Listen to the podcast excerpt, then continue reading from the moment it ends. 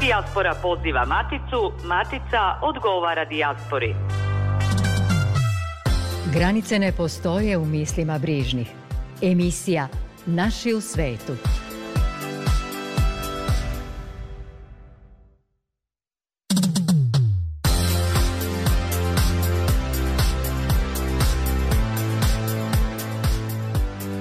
Dobro vam veče i dobrodošli u emisiju koja trasira put u napređenju saradnje Matice i Dijaspore. Večeras o susretu predstavnika srpskih udruženja sa čelnicima Uprave za dijasporu u Beogradu. Čućete i kako se u Dubaju snalazi menadžerka našeg porekla koja svoj biznis želi da dovede i u Srbiju. Za povratnike emitujemo kraći finansijski vodič.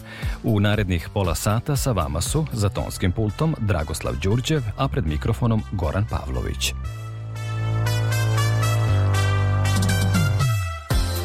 Ministarstvo državne uprave i lokalne samouprave saopštilo je da birači koji imaju boravište u inostranstvu mogu podneti zahtev do 25. novembra u ponoć ukoliko žele da u zemljama gde borave glasaju na predstojećim izborima u Srbiji raspisanim za 17. decembar.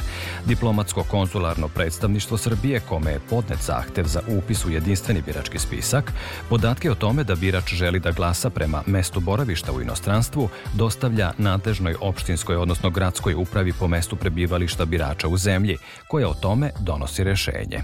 Uvid u jedinstveni birački spisak može se izvršiti elektronskim putem, unošenjem podataka na zvaničnoj internet stranici Ministarstva državne uprave i lokalne samouprave.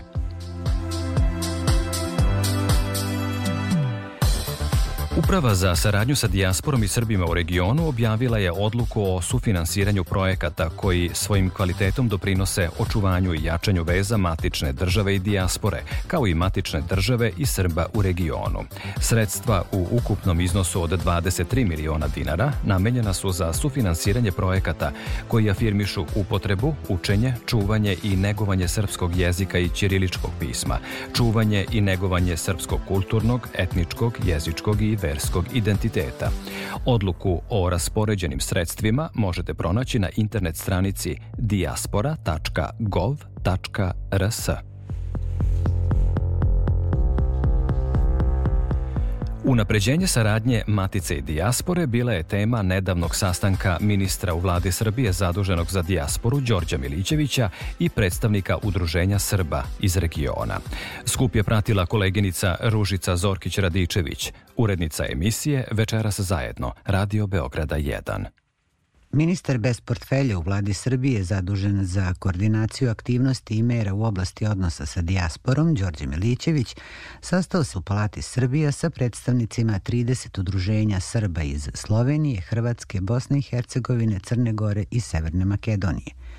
Ministar je razgovorom sa predstavnicima Srba iz regiona otpočeo seriju radnih sastanaka, čiji je cilj izrada buduće strategije odnosa Matice i dijaspore, kao i novog zakona o Srbima u dijaspori i regionu.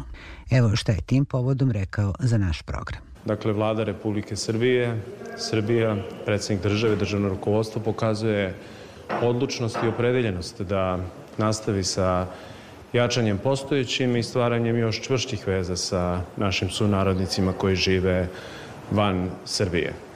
I ti rezultati i ti napori su veoma vidljivi.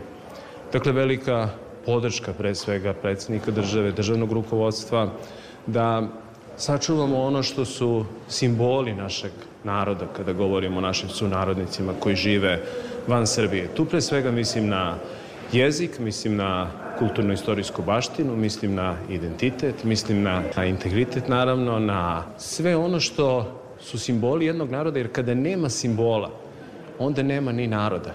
Ma gde živeli naši Srbi van Srbije. I pored velikih napora, rezultata koji su vidljivi, podrške koje pruža predsednik, državno rukovodstvo, vlada Republike Srbije, naše ministarstvo koje je zadržano za koordinaciju mere i aktivnosti u odnosima Srbije sa dijasporom i našim sunarodnicima koji žive van Srbije. Dakle, postoje izazovi, postoje otvorena pitanja o kojima treba da razgovaramo.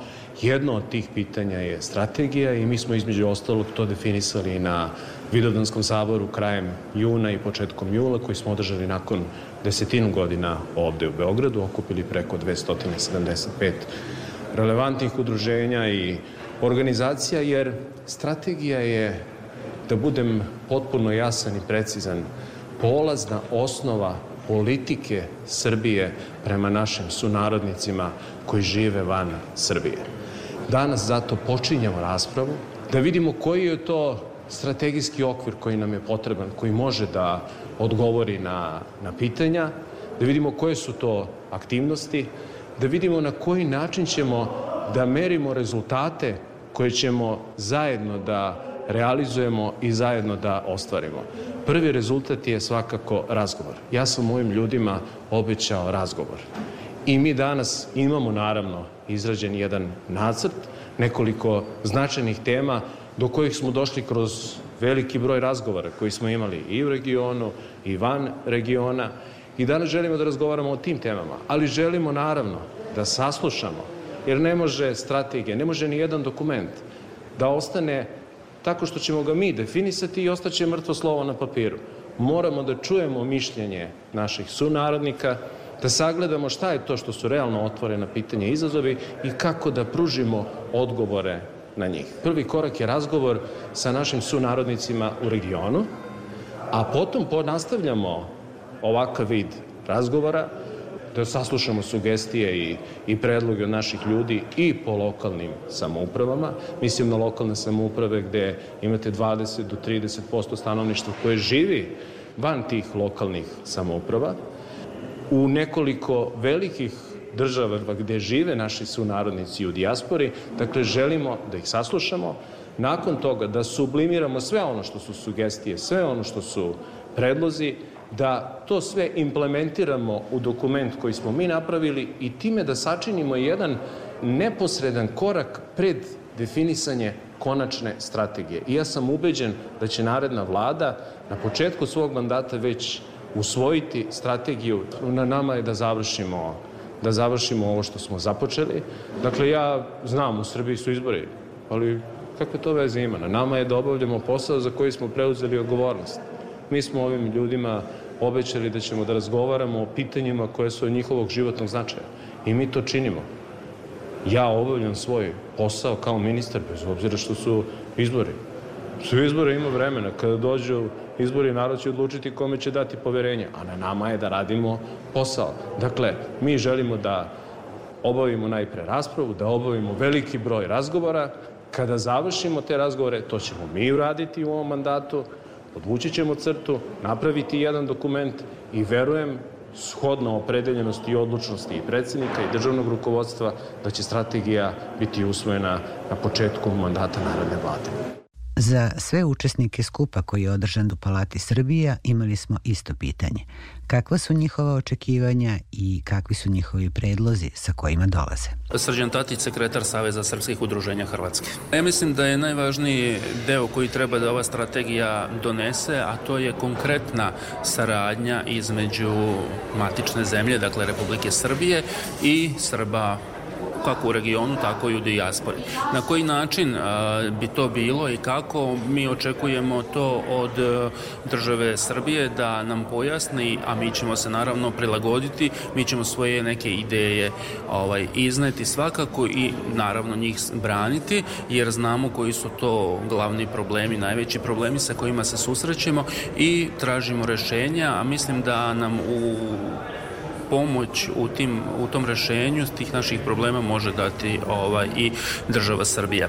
Ono što je jedan od možda većih problema, barem kad je u pitanju Republika Hrvatska, to je zaštita imovinsko-pravnih odnosa ljudi koji su vlasnici ovaj, određenih nekretnina na području Hrvatske, a ne žive na području Hrvatske, odnosno imaju status izbeglica ili su državljani Republike Srbije. Dakle, ovaj, to je jedan od gorućih problema i naravno onda tu idu i sledeći problemi kao što su obrazovanje obrazovanje na manjinskom jeziku i tako dalje. Tako da mislim da što se tiče Hrvatske, mi imamo ta dva neka goruća problema i mi ćemo njih pokušati braniti i odbraniti. Dalibor Kitanović, predsednik Kulturno-umetničkog društva Srpski ves iz Kumanova, Makedonija. Nama uvek znači kad se naša matica brine o nama i kad, kad nas zove, kad se interesuje i kad ima volje, želje, ideje, kvalitetne kako bi podobrili naš status i položaj evo, trenutno iz, iz, iz Makedonije. Jedan od predloga koji ćemo mi tu zajedno, mislim da je to već većinski predlog, ali evo ja sam to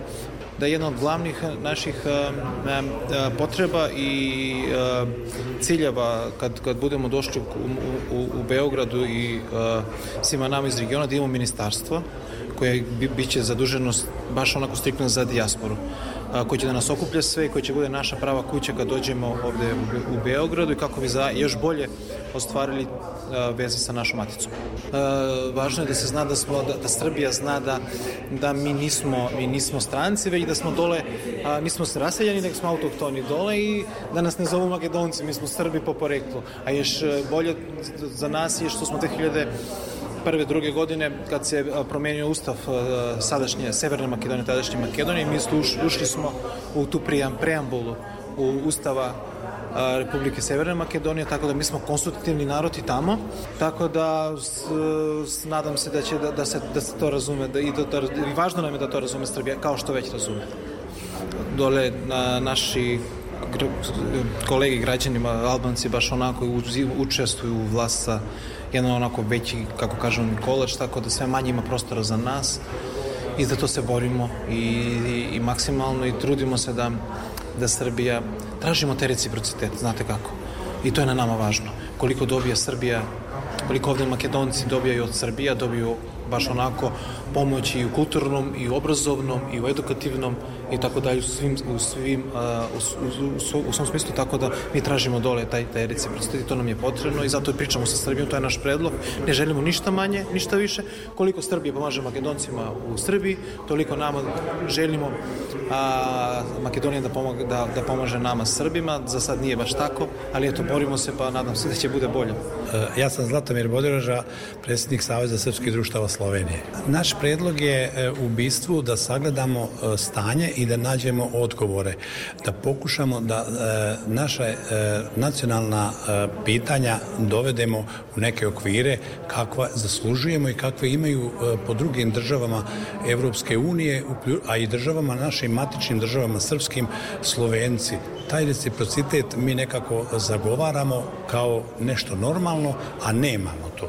Zoran Babić, profesor doktor ekonomskih nauka, dolazim iz Banja Luke, ispred Centra za dijasporu. Mi očekujemo da će se strategijom povezati bolje i privreda i nauka i kultura i da će u budućnosti ta strategija da omogući da se i privrednici bolje spoje, da imaju bolju saradnju, da se privredna saradnja podigne na viši nivo, u naučnom dijelu da se stvori možda u budućnosti jedinstvena strategija naučnog djelovanja, a kulturno smo i onako povezani tako da će ta saradnja sigurno nastaviti tim pravcem. Pa imamo konkretne prijedloge da se uvežemo na taj način da se stvori u budućnosti možda i neki i video link ili radio link ili radio stanice gdje će se naši ljudi moći brže uvezivati, brže kontaktirati putem ministarstava da se ostvaruje bolja saradnja, a pogotovo putem nevladinog sektora i udruženja za dijasporu, znači puno konkretnija saradnja i ljudi brže uvezivati na svim ovim nivoima. Ja sam Goran Kiković, profesor istorije, inače predsjednik Srpskog kulturnog kluba Srpske narodne odbrane Vasovića i Limske doline. Strategija koju mi očekujemo Srbiji iz Crne Gore je to da e, Srbija više nego što je nekada u zadnjih nekoliko godina intenzivirane saradnje i mi bi željeli da ovo ministarstvo bude ministarstvo za dijasporu i Srbije u regionu, da bude direktno vezano za nas. Očekujemo od ovoga skupa upravo jedno jednu takvu ideju, zatim da se napravi strategija saradnje sa nama, a to može samo da uradi institucija jedna osnovana i podržana zvanično od države Srbije, prije svega ovdje u ovom slučaju da bude jedan ministar koji će biti zadužen za nas Srbe van Srbije. Za sastavljanje strategije i akcijnog plana u ministarstvu je formirana ekspertska grupa koja će, kako je rečeno, bez obzira na predstojeće izbore i moguće promene, pripremiti građu i početi izradu strategije. Istim putem u oba smera. Emisija Naši u svetu.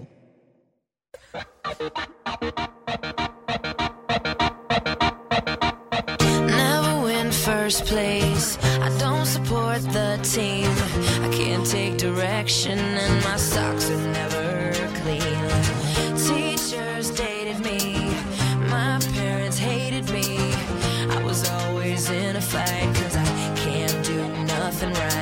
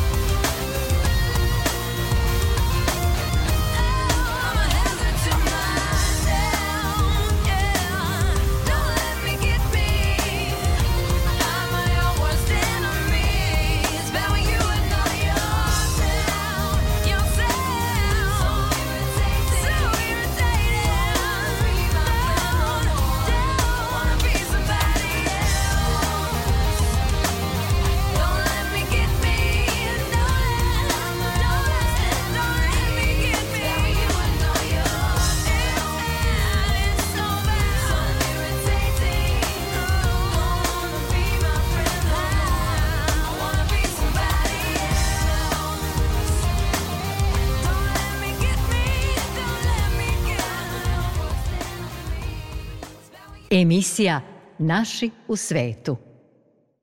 Marija Radošević je jedina srpska državljanka u privrednoj komori Dubajija. Ona kaže da je velika prednost života u tom gradu to što pruža mnogo poslovnih mogućnosti. Dodaje da tamo živi veliki broj ljudi sa prostora nekadašnje Jugoslavije koji su tamo razvili svoje poslove.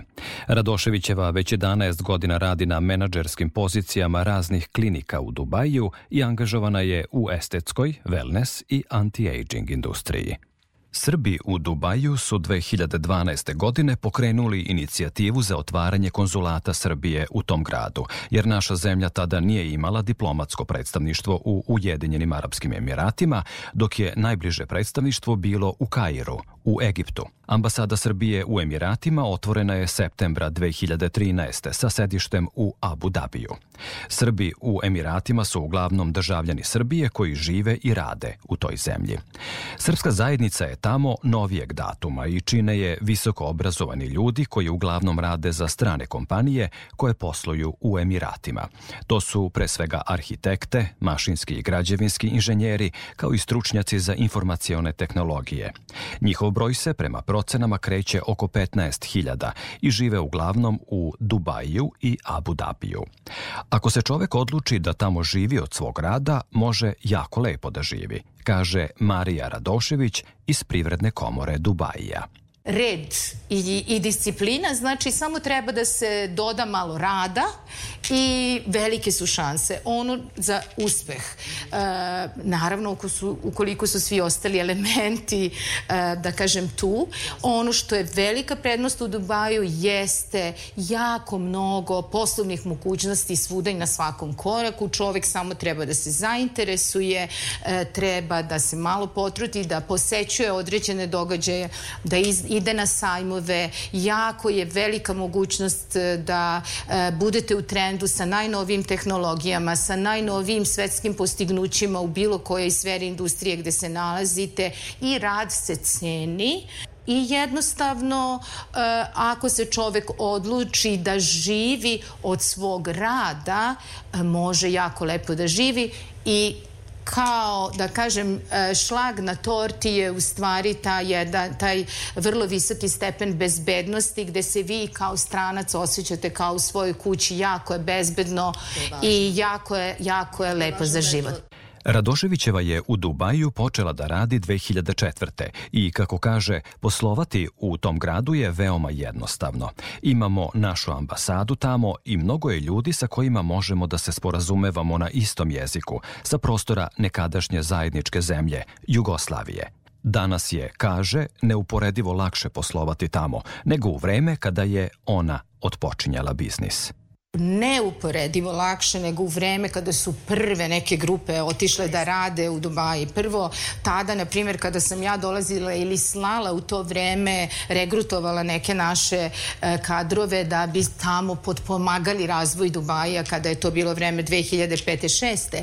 Tada čak nije postojala ni ambasada. Znači, sve se nekako pretpostavljalo. Znači, bilo je jako teško otvoriti taj kanal, ali ja sam bila rešena da ga otvorim i uspela sam u tome tome i poslala sam mnoge ljude koji tamo uspešno rade. E, sada je mnogo lakše. E, prvo ima ambasada, drugo ima jako mnogo naših ljudi koji tamo rade. Ima mnogo ljudi iz ex-jugoslovenskih republika. E, drugo, jedni drugima pomažemo. Ja, na primjer, znam mnoge moje prijatelje i ljude koji tamo rade. Nikada se niko nije oglušio na poziv ili na poruku, bilo da je došlo LinkedInom ili da je neko poslao poruku preko Whatsappa ili društvenog društvenih mreža da pita ja šta mislite, kako i šta, ja uvek vrlo rado dam savet. U Emiratima je poslovnost na visokom nivou i veoma se cene poslovne inicijative, kaže Radoševićeva i dodaje da je duže vreme na menadžerskim pozicijama. Sve to tamo nekako jednostavno. Moram da priznam da je jednostavno, znači ljudi se prosto viđaju, druže i razgovaraju o biznisu kao kada bi mi razgovarali o haljinama. I uopšte to nije ništa sporno kada, na primjer, neko e, napravi neki spoj, e, biznis spoj ili da neku biznis ideju, bez obzira što se nalazimo možda u klubu ili u restoranu ili negde i vrlo su aktivni ti, ti networking i, i e, događaji i onda ja vrlo često tamo odlazim na e, edukacije, odlazim na te e, događaje, onda dobijamo pozivnice da prisustvujemo raznoraznim događajima u drugim Emiratima. Evo sam ja, na primjer, dobila pozivnicu za 13. novembra da se priključim nekom događaju u Privrednoj komori Abu Dabija i zaista je to, to, to lepo i to tako ide nekako lako. Trenutno radim na recimo konkretno jedno 7-8 projekata.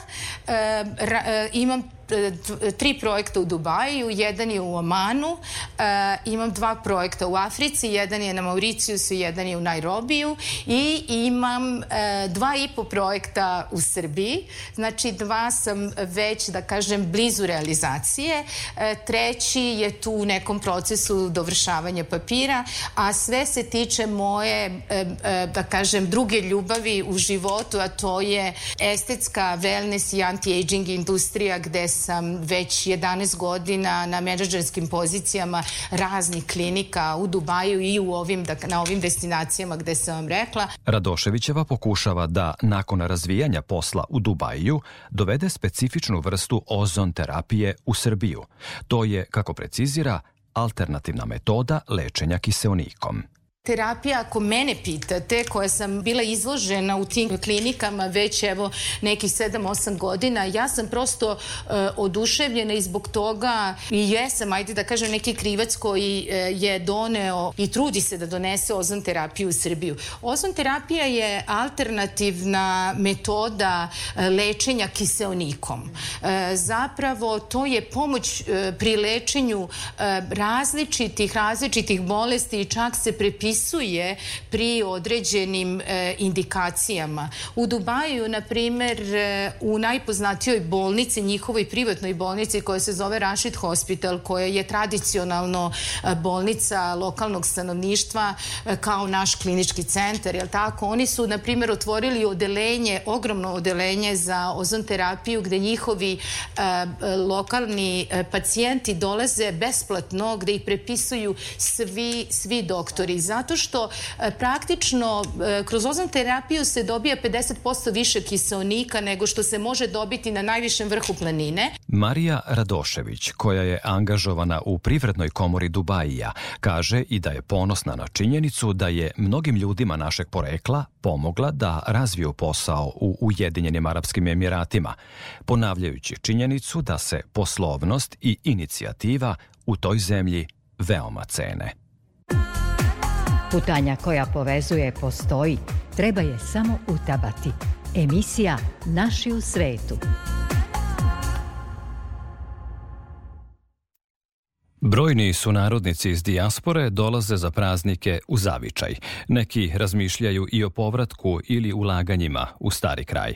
Njima je i posvećena rubrika o finansijskom vodiču za povratnike s aspekta deviznih propisa, o kojima govori direktorka u sektoru za devizne poslove i kreditne odnose sa inostranstvom u Narodnoj banci Srbije Ljiljana Mitrović. Ono što je osnovna stvar, taj vodič je detaljno oko 20 slajdova opisao sve transakcije koje se tiču povratnika. Ja bi se ovom, prilikom fokusirala na situacije kada oni dolaze u Srbiju, odnosno šta rade sa sredstvima koja se nalaze u inostranstvu. Znači, osnovna podela naših građana, odnosno osnovna podela koju primenjuje se u deviznim propisima, to je podela na rezidente i nerezidente. Naši građani koji žive u inostranstvu duže od godinu dana, smatraju se nerezidentima, znači oni mogu živeti u inostranstvu na osnovu boravka koji imaju dobijenu u stranoj državi na osnovu stalnog boravka, zatim mogu biti u inostranstvu na osnovu radne ili, ili, ili studentske vize u smislu privremenog boravka u inostranstvu, a to mogu biti i naši građani, odnosno lica sa dvojnim državljanstvom. Znači, u momentu, ukoliko oni više od godinu dana žive u inostranstvu, oni se smatraju u nerezidentima i ono što smatram da bi njih najviše interesovalo to je ukoliko odluče se da određeni efektivni strani novac unesu preko granice, znači prema deviznim propisima je potpuno slobodno unošenje tog novca u našu zemlju, s tim što su samo u obavezi da iznos preko 10.000 evra prijave carinskim organima. Na osnovu te potvrde nepotrošena sredstva oni takođe mogu u trenutku kada žele da se vrate da iznesu iz naše zemlje. Druga stvar koja pretpostavljam da interesuje naše građane, to je njihov status kada dođu u zemlju. Znači kada dođu u našu zemlju i odluče se da imaju tretman povratnika, znači da se stalno nastane u Srbiji, oni postaju rezidenti. Što se tiče mogućnosti da prenose sredstva sa svog računa u inostranstvu na račun u Srbiji, znači svi ovi građani na osnovu dokaza koji će predočiti banci, će otvoriti račun normalno rezidentni, pošto postoje rezidenti, i automatski na osnovu dokaza, to je na primer studentska viza, radna viza, dokaz o stalnom boravku u inostranstvu, zatim e, dokaz o dvojnom državljanstvu ili bilo koji drugi strani lični dokument, znači daće im mogućnost da kompletna sredstva koja imaju inostranstvu prenesu na svoj račun rezidentni koji su otvorili kod banke u Republici Srbiji. Što se tiče njihove mogućnosti da drže devize dalje u inostranstvu, problem oko toga nemaju lica sa dvojnim državljanstvom, pošto oni kao državljani strane države mogu i dalje imati račun u inostranstvu i paralelno sa tim i rezidentni račun kod banke u Republici. Ostali naši građani pošto je mogućnost rezidenata da drže devize na računu u inostranstvu još uvek pod određenim ograničenjima, sa kojim se saglasila i Evropska unija u našim pregovorima pridruživanju Evropskoj uniji, jeste da u određenim slučajevima, a to su na primjer kada su vlasnici neke nepokretnosti u inostranstvu, oni mogu da ostvare sredstva po osnovu prodaje te nepokretnosti na računu u inostranstvu koji će za te namene otvoriti zatim mogu da primaju penziju na računu u inostranstvu ukoliko naš nadležni organ nema sporazum sa nadležnim organom koji se bavi isplatom penzije u konkretnoj zemlji. Pored toga imaju mogućnost da se obrate Narodnoj banci Srbije da dobiju odobrenje za držanje deviza za, na računu u inostranstvu ukoliko imaju potrebe za lečenjem u inostranstvu, odnosno plaćanjem ne samo troškova samog lečenja, već i troškova boravka u inostranstvu. Normalno, građani sa dvojnim državljanstvom imaju pravo i dalje da drže kao državljani strane zemlje sredstva u inostranstvu bez obzira što imaju rezidentni račun kod banke u Republici Srbiji.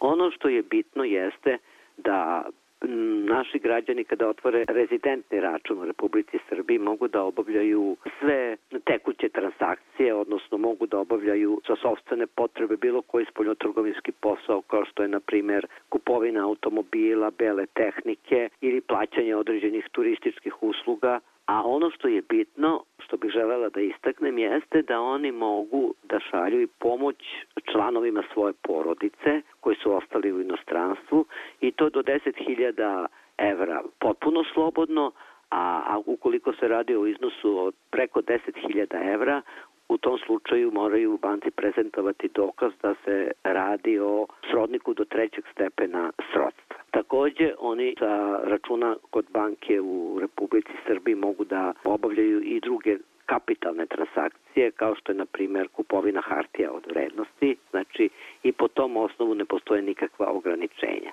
Na kraju bih želela da istaknem da se finansijskom vodiču za povratnike, pored ovih osnovnih odredaba, nalaze i sve druge odredbe koje bi bile interesantne povratnicima. Mi smo u samom finansijskom vodiču naveli i propise koji to regulišu, tako da naši građani mogu da se upoznaju sa samim propisom i da kada dođu u banku da otvore račun, odnosno da izvrše neke transakcije, da se pozovu na konkretan propis i da bez problema obave neku transakciju. Nove priče iz Matice i rasejanja pripremamo za naredni petak u 19.5. Sve informacije u vezi sa emisijom možete pronaći na Facebook stranici Naši u svetu RTV. Zahvaljujemo na pažnji. Mali bar na kraju grada Namerno sam došla sama Ulična se svetla pale Ko od šale Usne dajem ti sad.